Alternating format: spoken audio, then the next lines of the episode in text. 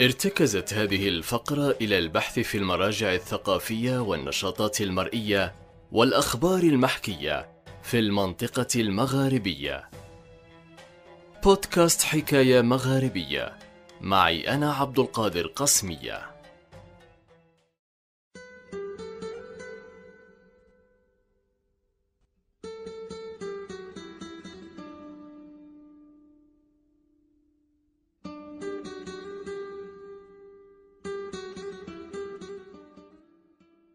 هذه مقطوعة أمازيغية جزائرية خالدة. فالأمازيغ هم مجموعة إثنية من السكان الأصليين في شمال إفريقيا وتحديدا في بلاد المغرب الكبير. يشكل الأمازيغ جزءا من سكان المغرب والجزائر وتونس وليبيا وموريتانيا وشمال مالي وشمال النيجر وعلى أطراف صغيرة من غرب مصر. إلى جزر الكناري.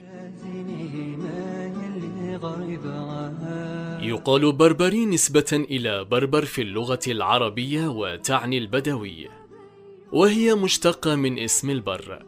قد يعود أيضا إلى اليونانية القديمة بربروس التي تعني الغير يوناني أي الأجنبي. واستعمل المصطلح كاسم إثني بعد الفتح الإسلامي لبلاد المغرب الكبير.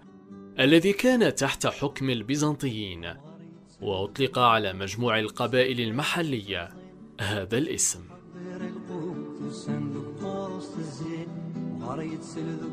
تميل الهوية الإثنية الأمازيغية اليوم غالبا لأن تكون إثنولغوية تشمل الناطقين باللغات الأمازيغية كلغة أم الذين يشكلون مجموعات إثنية فرعية. ولكن أيضا يمكن أن تشمل الناطقين باللغة العربية كلغة أم واللهجات المغاربية.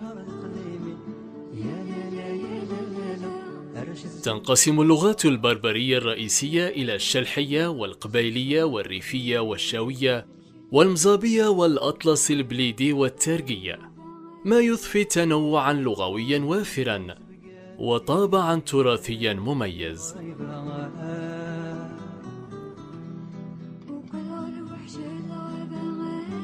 شكرا على حسن الإصغاء والمتابعة.